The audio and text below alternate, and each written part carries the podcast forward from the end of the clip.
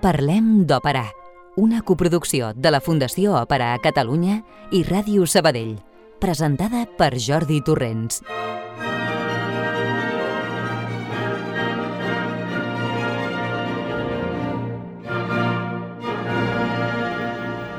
Bon vespre tingueu. Aquí estem esperant que us aneu incorporant a l'escolta d'aquest, el programa número 506 de Parlem d'Òpera, el segon d'aquest any 2023, el 19è de la nostra tretzena temporada. Per sort, i finalment han acabat les festes, que tant s'allarguen pel meu gust. Això és un no parar de tiberis i d'alegria, en ocasions una mica forçada, eh? no em direu que no. I ara toca enfrontar-nos a la crua realitat, aquella famosa cuesta d'enero que en deien abans, suavitzada per les rebaixes que els comerços corren a proposar, però nosaltres de rebaixes cap ni una. Seguim les nostres emissions en el nivell actual, ni un pas enrere. Roger Benet, el control de so i qui us parla, Jordi Torrents, us donem una cordial benvinguda.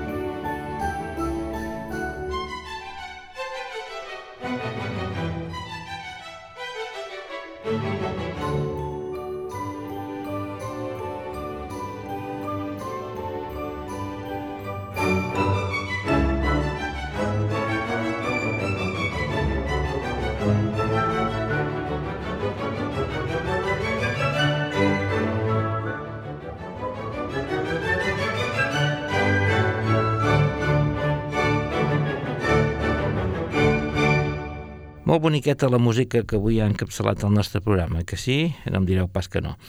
Una música amable, amb un regust divuitès, malgrat que es tracti d'una música composta en el segle XIX. Es tracta de l'obertura del Singspiel der Admiral oder der Verlorene Process, l'Almirall o el Judici Perdut, una peça de joventut de Giacomo Meyerbeer composta el 1811 a Darmstadt, quan, condeixeble de Weber, estudiava amb la B. Georg Joseph Bogler, qui també va intervenir en la composició del seu alumne. Penso que deu ser la primera vegada parlant d'òpera que comencem una emissió amb música d'una òpera mai estrenada, com és aquest cas. Uh, la versió, enregistrament en primícia, el primer enregistrament mundial, és de l'Orquestra Filarmònica de Cambra Txeca de Pardubice, dirigida per Dario Salvi, per al segell Naxos. I tot això, què? Doncs ara ho sabreu, no marxeu.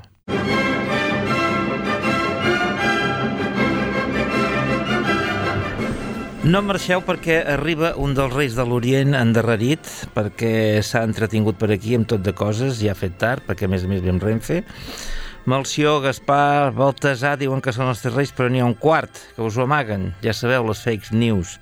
És el rei Flamaricus, a qui donem la benvinguda ara mateix. Majestat... Moltes Moltes gràcies, sóc el Flameric News. News, sí. Ai, senyor. Avui un programa molt interessant amb CD de Meyerbeer i llibre de Jaume Radigales sobre òpera catalana, tot això i més a, a l'O Flameric 42.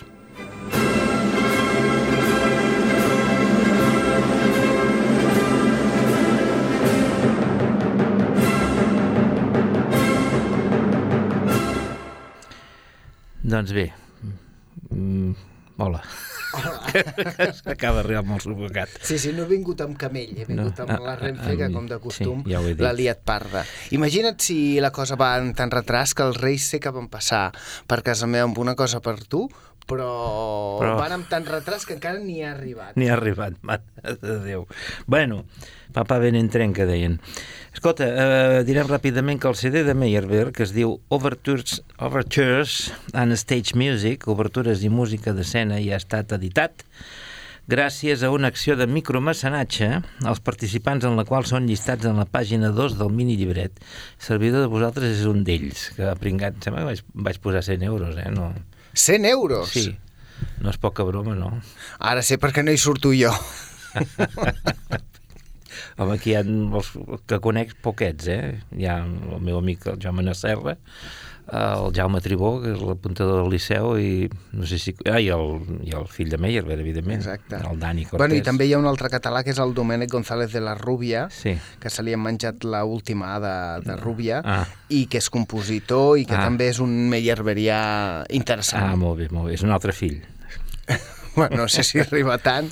Molt bé. Contingut és Der Admiral das Brandenburger Tort, Virtungast, que són cinc pils, Romilda Costanza, que és òpera italiana, que ja en vam parlar fa un temps, i el centre de tot és el ballet Der Fischer und das Mildmädchen, el pescador i la lletera. Has fet algun curs d'alemany aquests no, Nadals? No, eh, mal de coll que tinc. que és la primera obra escènica de Meyerbeer estrenada a Berlín el 1810. Si et sembla, anem a sentir tres fragments d'aquest ballet, que seran l'Allegretto Galante, l'Andantino Pastorale i l'Allegro Furioso, que són els números 7, 9b i 15 respectivament. Música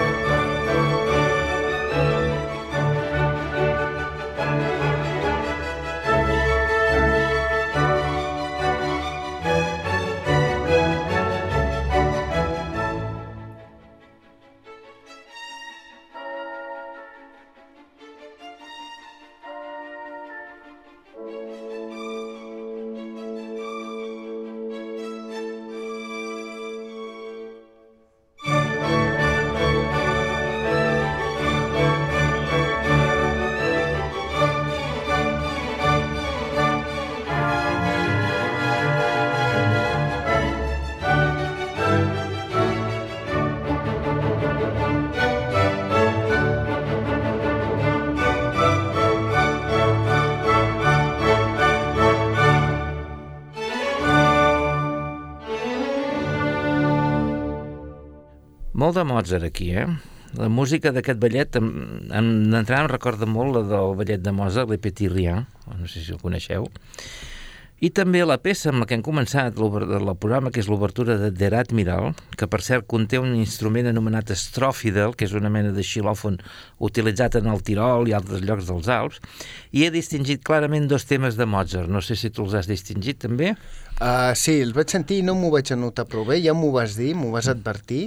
Un, te'n vaig advertir un perquè l'altre encara no, no hi havia caigut, però un és del Don Giovanni, que mm -hmm. és Questo pezzo di facciano piano, piano... Això surt literal, o sigui, com se'n diu, un plagi. Que això és la, el que canta l'Eporello a l'escena del sopar final, i l'altre és del Così fan tutte, mm. que és aquell que diu Viva despina que sa servir, que sa servir. Surt clarament també en el Derat Miral. Sí, sí, eh, perquè el, bueno, tot aquest CD és d'aquesta primera etapa del Meyerbeer, el superjove Meyerbeer, mm. un compositor eh, aleshores ja ben format, eh, sobretot la influència del, del pare Vogler, que és una d'aquelles figures que la història de la música hauria de rescatar, i que a més a més doncs, aquest CD il·lustra aquesta evolució. Comencem amb aquestes peces que, com tu molt bé dius, hi ha molt Mozart. Uh, Mozart, en aquest cas, amb cites que hauríem d'arribar a veure si són, uh, són plagis o... No, plagis no, però les ha ficat allà. Sí, la, les ha posat, però en qualsevol cas aquesta obertura que, com deies, doncs, té aquest estil sentimental, encara molt divuitès, com també bona part de la, del ballet, uh, els fragments que hem escoltat, combinacions tímbriques músiques amb intencions en colors, és a dir, ja hi ha aquest, uh, aquesta instrumentació que després a Meyerbeer se l'acusa una mica de germànic. Sí, no, és que jo amb l'estròfia de la que llavors vaig llegir que hi havia aquest instrument, perquè en el moment en què comença, eh, que entra l'estròfia de la que em va donar la impressió que era una música a la turca i no sabia sí, si sí. l'argument era, era així oriental o no, però llavors vaig deduir que no, que era això. Que, sí, que era l'estròfidel.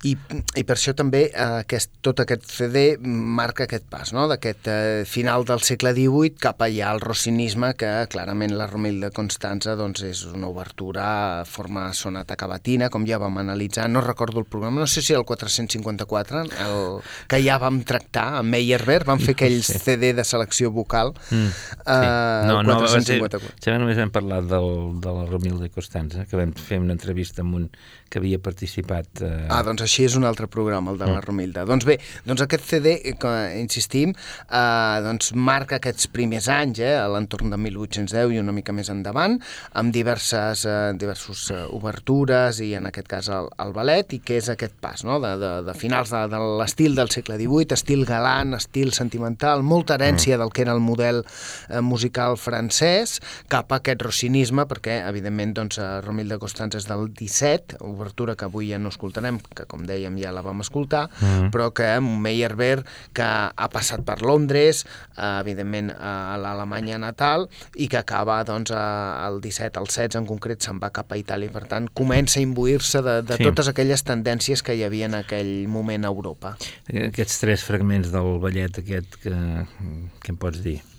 Doncs, eh, home, hi ha molta varietat de, de danses, eh, mm. eh, podem sentir fins i tot algun minuet, però escoltant-lo, a veure, no són grans, grans peces, eh? No, Estem molt senzilletes. Peces, sí, aquest ús de la instrumentació, fins i tot alguna qüestió harmònica que dius, mira aquí, eh? com, com se les empescava Meyerbeer, molt detall de la, a nivell sobretot de, la, de les fustes, i eh, escoltant, per exemple, altres danses o fins i tot ballets, mm, pensem que estem en una època on Beethoven està, està actiu, i Beethoven també va fer eh, moltes, eh, moltes danses d'aquestes. De fet, recordem que el mateix Mozart i Haydn van escriure pels, eh, pels ballets de cor, que era una, sí. un encàrrec encàrrec que els compositors eh, quasi bé s'estomacaven, mm. perquè era un encàrrec eh, molt prestigiós i força ben remunerat. Exacte. I comparant doncs una mica amb les danses i alguns ballets que de, de l'època es nota en aquesta música una tendència més sinfònica en el sentit de que eh,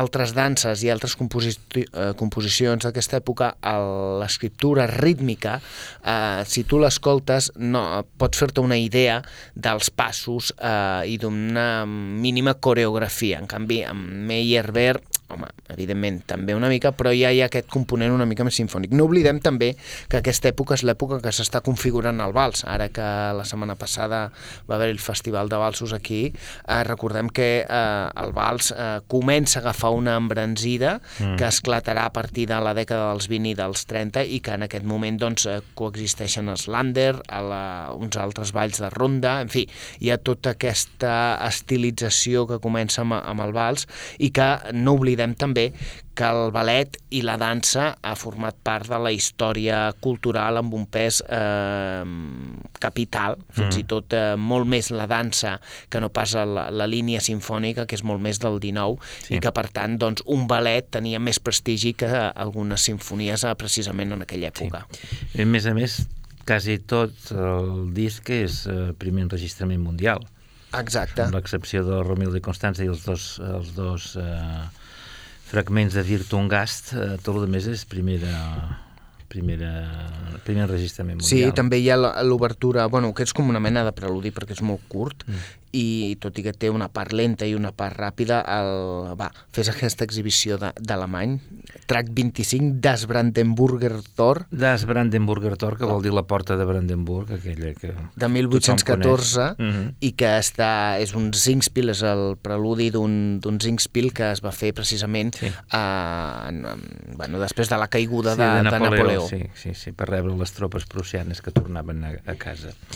Molt bé, el llibret també conté unes interessants notes del que penso jo que podem considerar el màxim especialista mundial en Meyerbeer, que és el sud-africà Robert Ignatius Letelier, efectivament, molt bon llibret, no és d'aquests llibrets que moltes vegades hem criticat de Naxos amb notes mm. insulses, eh, i un autor... Perquè se'ns sembla que és un fragment d'un llibre, eh? Sí, però bueno, ja, ja serveix perquè sí. eh, combina una mica, una mica la vessant històrica, mm. eh, la vessant, diguem, biogràfica per contextualitzar-los en aquest periple, i acaba també oferint eh, dosis d'anàlisi formal i musical, per exemple, en el cas de la Romilda Constanza, Uh, i jo crec que estaria bé, si s'ha fet un micromecenatge per, uh, per editar el llibre, començar un micromecenatge per traduir algun dels llibres del Letelier, a veure ah, el, sí, la reencarnació meyerberiana catalana. Això ha de ser ell, que s'ho no, mecenitgi.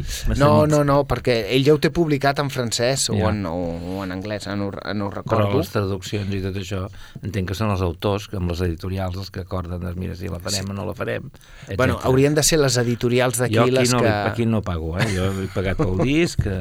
No, perquè a més a més el Darío Salvi, que és el director, doncs eh, està fent molt, molta feina, molt bona feina en recuperar, trobo, música de Meyerbeer, d'Aubert, de, de tots els compositors d'aquella època francesa. Sí, sí, ell també té una mena d'oratori eh, enregistrat del Meyerbeer del 1812, de G de Geptas... Eh, sí. Geptas Galupte. Exacte. Bueno, que aquí no, al final no ho van treure en disc, sinó que estat només en MP3. També per Naxos. Per Naxos. Sí, sí, efectivament. I ja que parlem del Darío Salvi, doncs en general molt bona interpretació Potser a la Romilda de Constanza li falta un punt més de, de punys de brillantor, bueno. però en qualsevol cas un enregistrament molt recomanable, sí. molt ben enregistrat mm. i que a més a més ho van haver de fer una mica correcuita perquè sí, van tenir pocs dies... Eh... Hi havia la, la, la Covid i tota la mandanga. Sí, Exacte. ens vam interessar, el, el Joan Manel i jo, per anar-hi, per assistir a l'enregistrament, eh? però mm. al final no, no hi vam anar.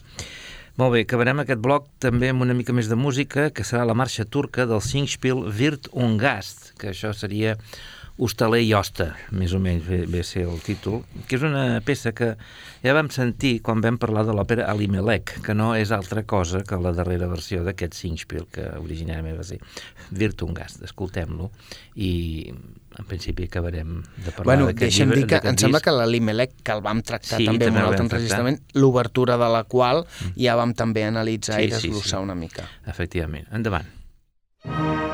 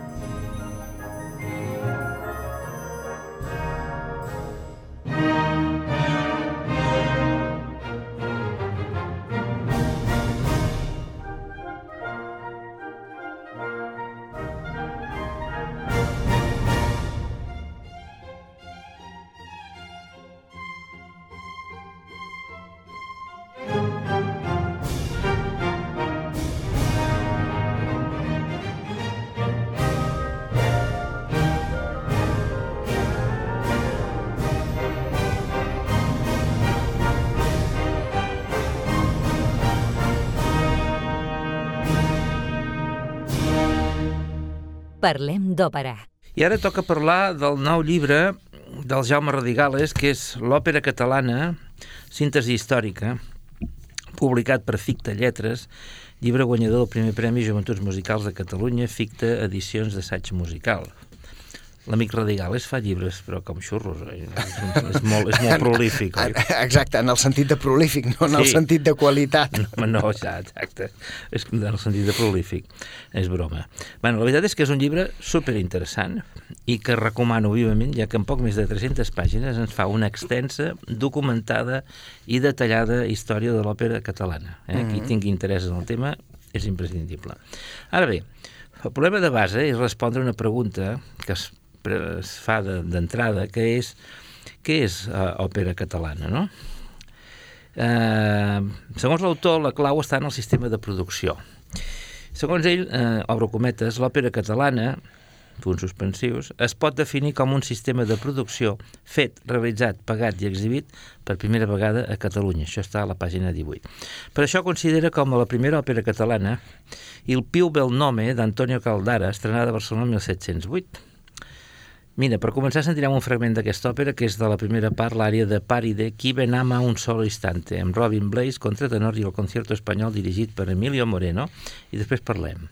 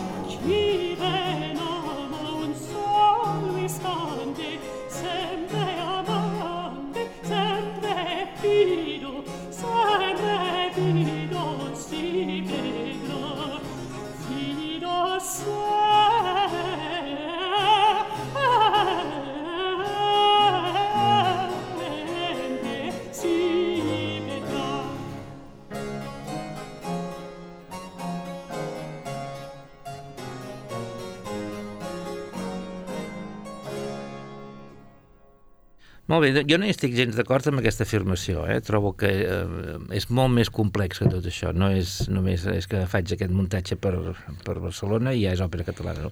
perquè per la mateixa regla de tres, el Barber de Sevilla de Paisiel o, o la Força del Destino de Verdi serien òperes russes, Perquè es va perquè es va estrenar... fer tot eh, especialment per, per Rússia, i el Don Giovanni una òpera txeca. Què en penses tu? Eh, doncs que estic bastant d'acord i que eh, en aquest sentit, tot i que la crítica no em vaig posicionar perquè ja vaig fer la crítica al llibre que podreu trobar a la revista musical catalana, una crítica força extensa, crec que documentada i bastant detallada, la qüestió d'aquest debat, eh, com em sembla que ho vaig posar també a la crítica, eh, es dirimirà en, en, en l'àmbit acadèmic, és a dir, en comunicacions, en algun possible llibre, en algun estudi que permeti desenvolupar molt més això i contradir-li o no qui, qui ho pensi. En aquest Exacte. sentit, eh, jo també em vaig plantejar aquests, aquests punts, però, bueno, és la, la, seva, la és- seva tesi. És la seva tesi. Jo només dic que jo no, no hi estic d'acord, punto, però Sí, ell sí, desenvolupa aquesta perquè- tesi, però a més a més, perdona, saps que jo mm, vaig una mica escrutar la, els, els detalls. si, si no se m'escapen, que també Escrutar com a sinònim de tocar els... no tocar l'escrot, no, de, de escrutar, escrutinio, això que fan després de votar. Eh, haig de dir que, sap greu dir-ho, que l'autor afegeix certa confusió a la pàgina 29 quan qualifica il più bel nome d'òpera italiana. Aleshores, en què quedem? Mm. És catalana o és Formalment, italiana? formal, formalment italiana, eh, això, saps què haguéssim hagut de fer? No. Trucar-lo. Sí, però bueno, és igual. Eh, per mi és una pura òpera italiana que es va fer a Barcelona per circumstàncies, punto, no hi ha més. Sí, perquè el mateix passa amb Carnisser, que és... um, El és un autor italià. d'òperes italianes que resulta que era català, vull dir, Sí. sí. molts, Mozart era eh, alemany, perquè austríac en aquella època no es reconeixien com a austríacs, sinó com a alemanys, uh -huh. i feia òperes italianes, i molta més gent, vull dir que no... i Gluck, i feia òperes franceses, italianes, de Sí. tot. Per exemple, la primera òpera composta per un català per ser estrenada a Catalunya, Catalunya és Antígono, d'un senyor que es deia Josep Duran, i això és de l'any 1760. Mhm. Que em sembla que això està cap a la pàgina 34... Sí, no he apuntat la 35. pàgina, però sí, sí.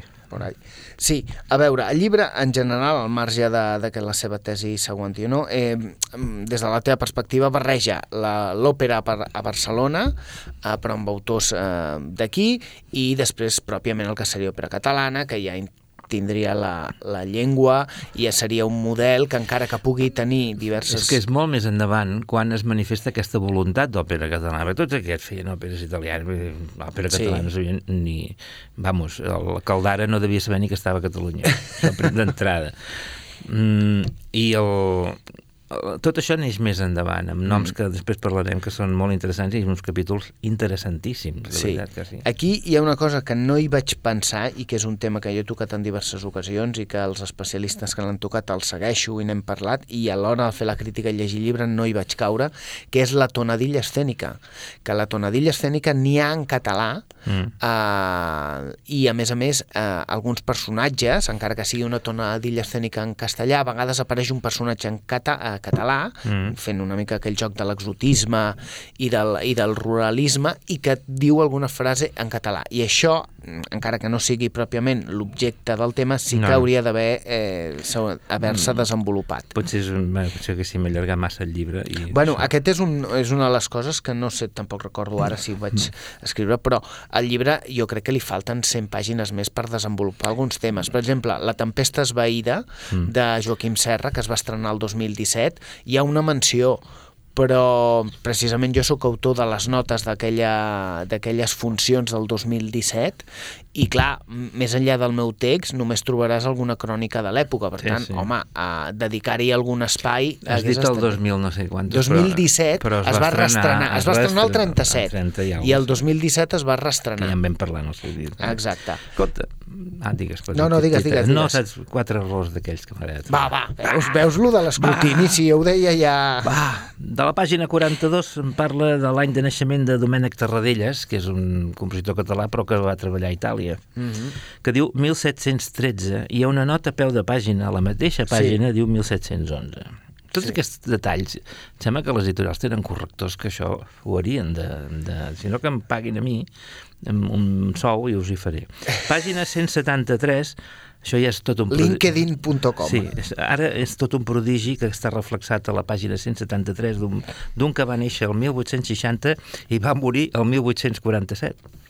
Però això saps què passa? A vegades eh, vas a correcuita o vas de memòria Tio, eh, quan lapsus. escrius sí, sí. i tens un, un lapsus de, de digitació, això ja ho sé, però els que venen a darrere, l'editorial, haurien de trobar, perquè immediatament diu, va néixer el 1860 i va morir el 1847. Òbviament va morir el 1947, però que queda fatal, és prodigiós. Pàgina 73. Parla del 7 de març de 1839 com la data de la mort de Vicenç Cuyàs, quan a la pàgina anterior diu 7 de juliol. Tots aquests Ja. detallets s'han de cuidar. I ara vull que sentim un fragment de l'òpera Helena e Constantino del gran compositor Ramon Carnisser, contemporani de Rossini, la producció operística del qual prevé que estrenant al Teatre de la Santa Creu barceloní, aquesta òpera en concret és del 1821, jo em resisteixo a considerar òpera catalana. Per mi és òpera italiana al 100%. Eh? Vi ringrazio o Sommi dei acte amb Edmondo, el tenor Sarimir Pirgo i Carlo Baríton Lorenzo Regazzo. L'orquestra és la del Teatre Real i el director Jesús López Cobos. Vol dir això que a Madrid van homenatjar Carnisser, que és l'any 2005, mentre que aquí res de res. Efectivament. Ja que em parles de carnisser, deixa'm dir una cosa que ha sortit, Ràpida. no sé si la tens, acaba de sortir el CD de l'enregistrament d'Helena Malvina de carnisser. Ah, sí? Sí, Oh. i, i ja ho tinc, Cosa dels Reis. I no, oh, jo no m'he ambientat. Ja li, ja li dedicaràs un programa, Sí, segur. i tant, i tant. Molt bé, moltes gràcies per la informació. Doncs sentim aquest duet d'Helena i Constantino.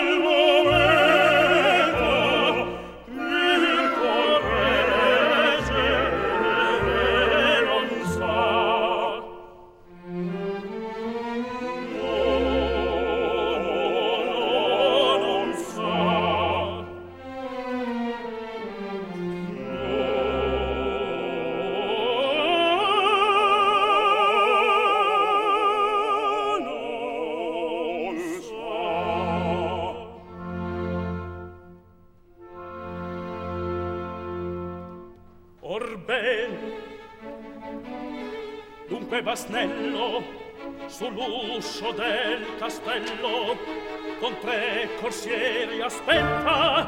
Intendo, pari pretta, pari pretta. Non palan, lasciate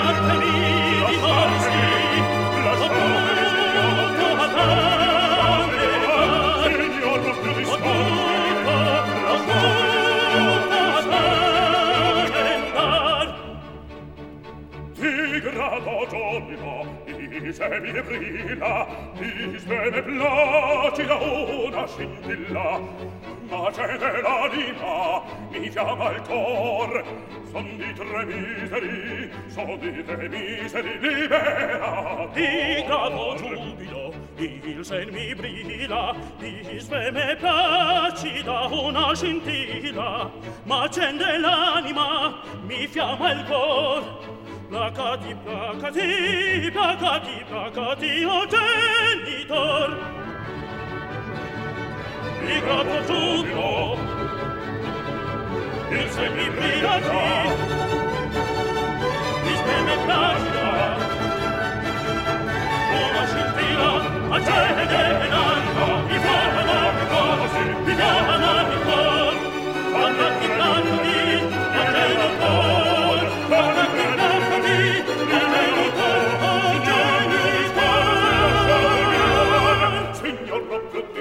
se lasciate mi volare. Di grato giubilo, il se mi brilla, disple me placida una scintilla, ma accende l'anima, mi fiamma il cor. sta carregati staccati, staccati, staccati, o genitor, ma accende l'anima, mi fiamma il cor. Accende l'anima, mi fiamma il cor, mi fiamma, mi fiamma,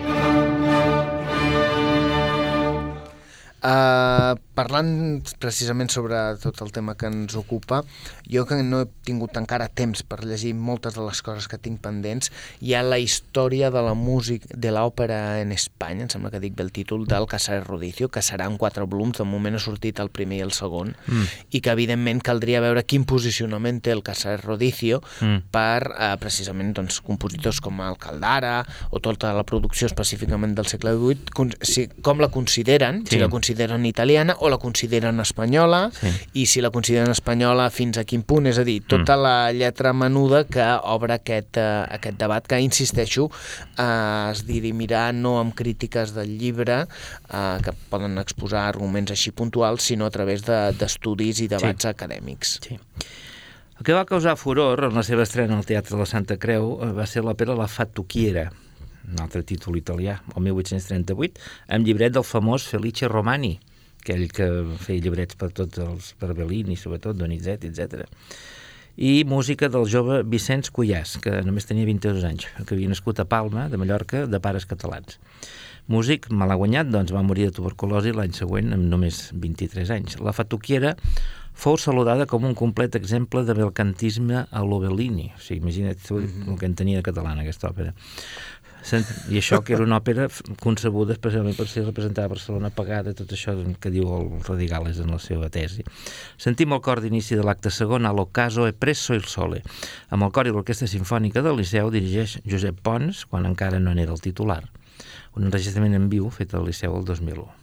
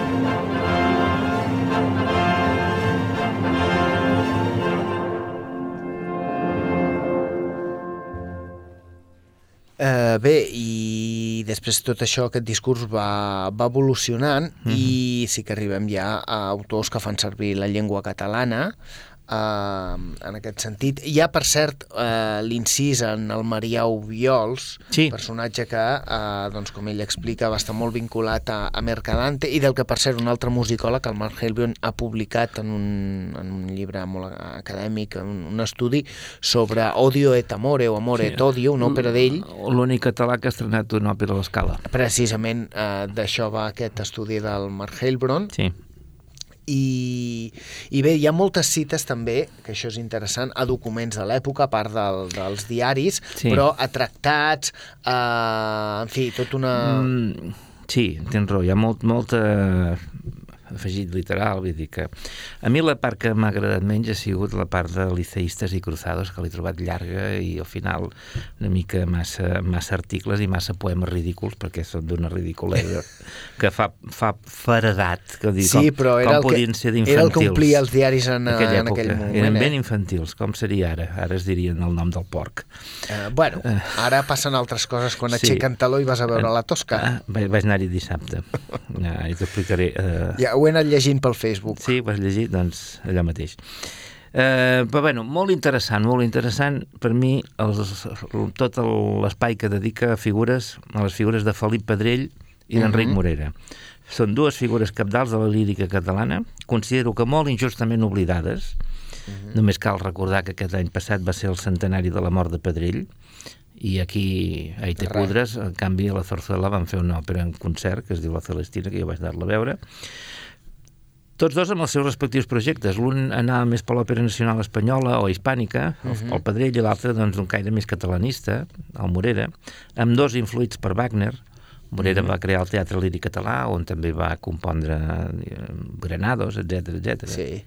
Sí, sí, i el Benidi es va gastar els duros i precisament aquest és un punt que eh, ja saps que el teatre líric català és una xerrada que jo he anat fent quan, mm. quan m'han deixat i que és un tema que, que m'interessa com a sarsuela.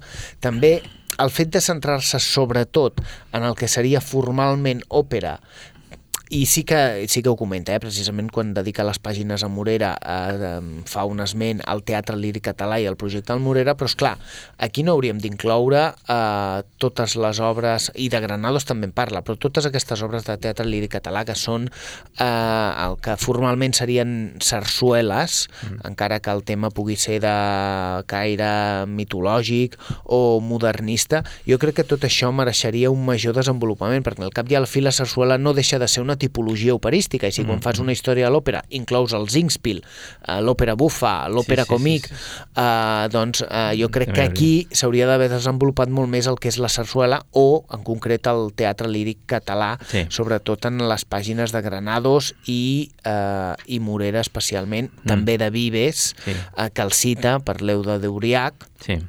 però bé, Bé. en fi. Sentirem un fragment de Pedrell, dels pocs que hi han registrats, perquè no hi ha res pràcticament, que és una àrea de la seva magna obra, l'òpera Els Pirineus, estrenada al Liceu, en italià, per cert, el 1902. Es tracta de l'àrea Ai Tolosa i Ai Provença, que aquí sentim en la veu del baríton Joan Martín Royo, amb el cor i l'orquestra del Liceu, dirigits per Josep Vicent.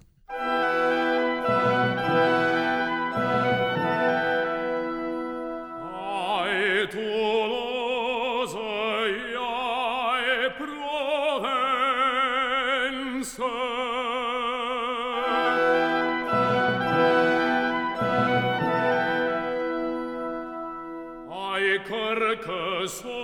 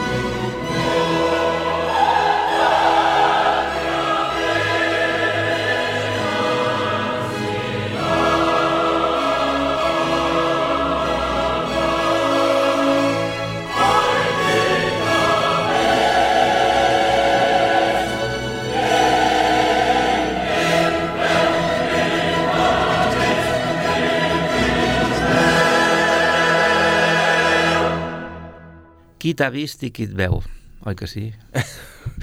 Anem sobretot al mirall. No diguem que em refereixo. Uh, no, jo t'anava a preguntar també uh, sobre uh, el fet de que, per exemple, els Pirineus, com que l'idioma oficial uh, operístic, sobretot en l'àmbit mediterrani, bueno, i europeu, encara en el segle XIX en molts llocs, era l'italià, mm. els Pirineus s'estrenen en italià. Sí. Llavors, això li resta catalanitat? Perquè és una imposició d'alguna no, manera... No, jo crec que no. Jo, per mi els Pirineus és realment una òpera catalana que es va fer així perquè el Liceu, el Liceu li va costar molt molts anys d'acabar fent les òperes en, en llengua, amb la llengua que tocava, perquè tu saps que Wagner es feia en italià. Mm -hmm, exacte, I això, això. és una capullada més, com Wagner es feia en italià, Històrica. Pedrell es va fer en italià. Mm -hmm. I això és culpa del Liceu. Bueno, el Liceu i de altres teatres, eh? Hi ha altres Real... teatres, però en aquest cas parlem de, del mm -hmm. Liceu. Eh? Jo crec que és així. En definitiva, és un llibre interessantíssim, eh? Sí, dels, això sí, eh? dels bons que, que hem portat aquí, i que tothom que s'interessi per l'òpera a casa nostra hauria de llegir. Eh? Aprendrà moltes coses, sens dubte, i estarà d'acord o discreparà de les tesis de l'autor, però això és sa, no? Mhm, El debat exacte. sempre ho és. Sobretot ens dona una visió de- d'aquests segles, del que, del que és la creació aquí, i arriba fins i tot a a l'època contemporània, que és aquí un altre punt on jo hi trobo faltar més pàgines, Sí, perquè sí. ell, que ha vist la majoria d'aquestes produccions, tant al Liceu com a les òperes de butxaca, eh, i les últimes estrenes dels joves compositors, mereixeria doncs, un desenvolupament Sí. amb molts més títols. Bueno, potser més endavant en trobarà un altre. Perquè a ell no li costa res treure llibres, escolteu, nosaltres molt. No, però no. no. El que jo penso és que caldria fer alguna cosa per tal de recuperar el patrimoni líric català i enregistrar-lo, tal com estan fent els bascos, amb aquells CDs d'IBS. Això també ho diu ell. Que, ah, també ho diu? No, no hi ha Sí. perquè no, no l'he acabat encara el llibre, eh, aquells, llibres, aquells CDs d'IBS que presentem quan surten. Eh? Sembla que estem tots d'acord. Mm -hmm. Doncs molt bé, avui ho deixarem aquí. Molt bé. Si no, si no tens res més a afegir, Eh, molt curtet, perquè... Molt, no, no, en general, reafirmar-me amb la recomanació del llibre, que era molt necessari ordenar, que és el que ell, i ho diu clarament, que és un estat de la qüestió, Mhm. i ens ho, ens ho pinta, i és un llibre que, a, a més, molt adreçat a estudis universitaris i, evidentment, a, a melòmens interessats en, a, en la qüestió. Molt bé. Doncs moltes gràcies, Albert, com sempre, i ara fins al febrer, t'esperem, i a tots vosaltres us esperem molt abans, tant abans com d'aquí set dies. Eh? No falteu, adeu-siau i fins això, que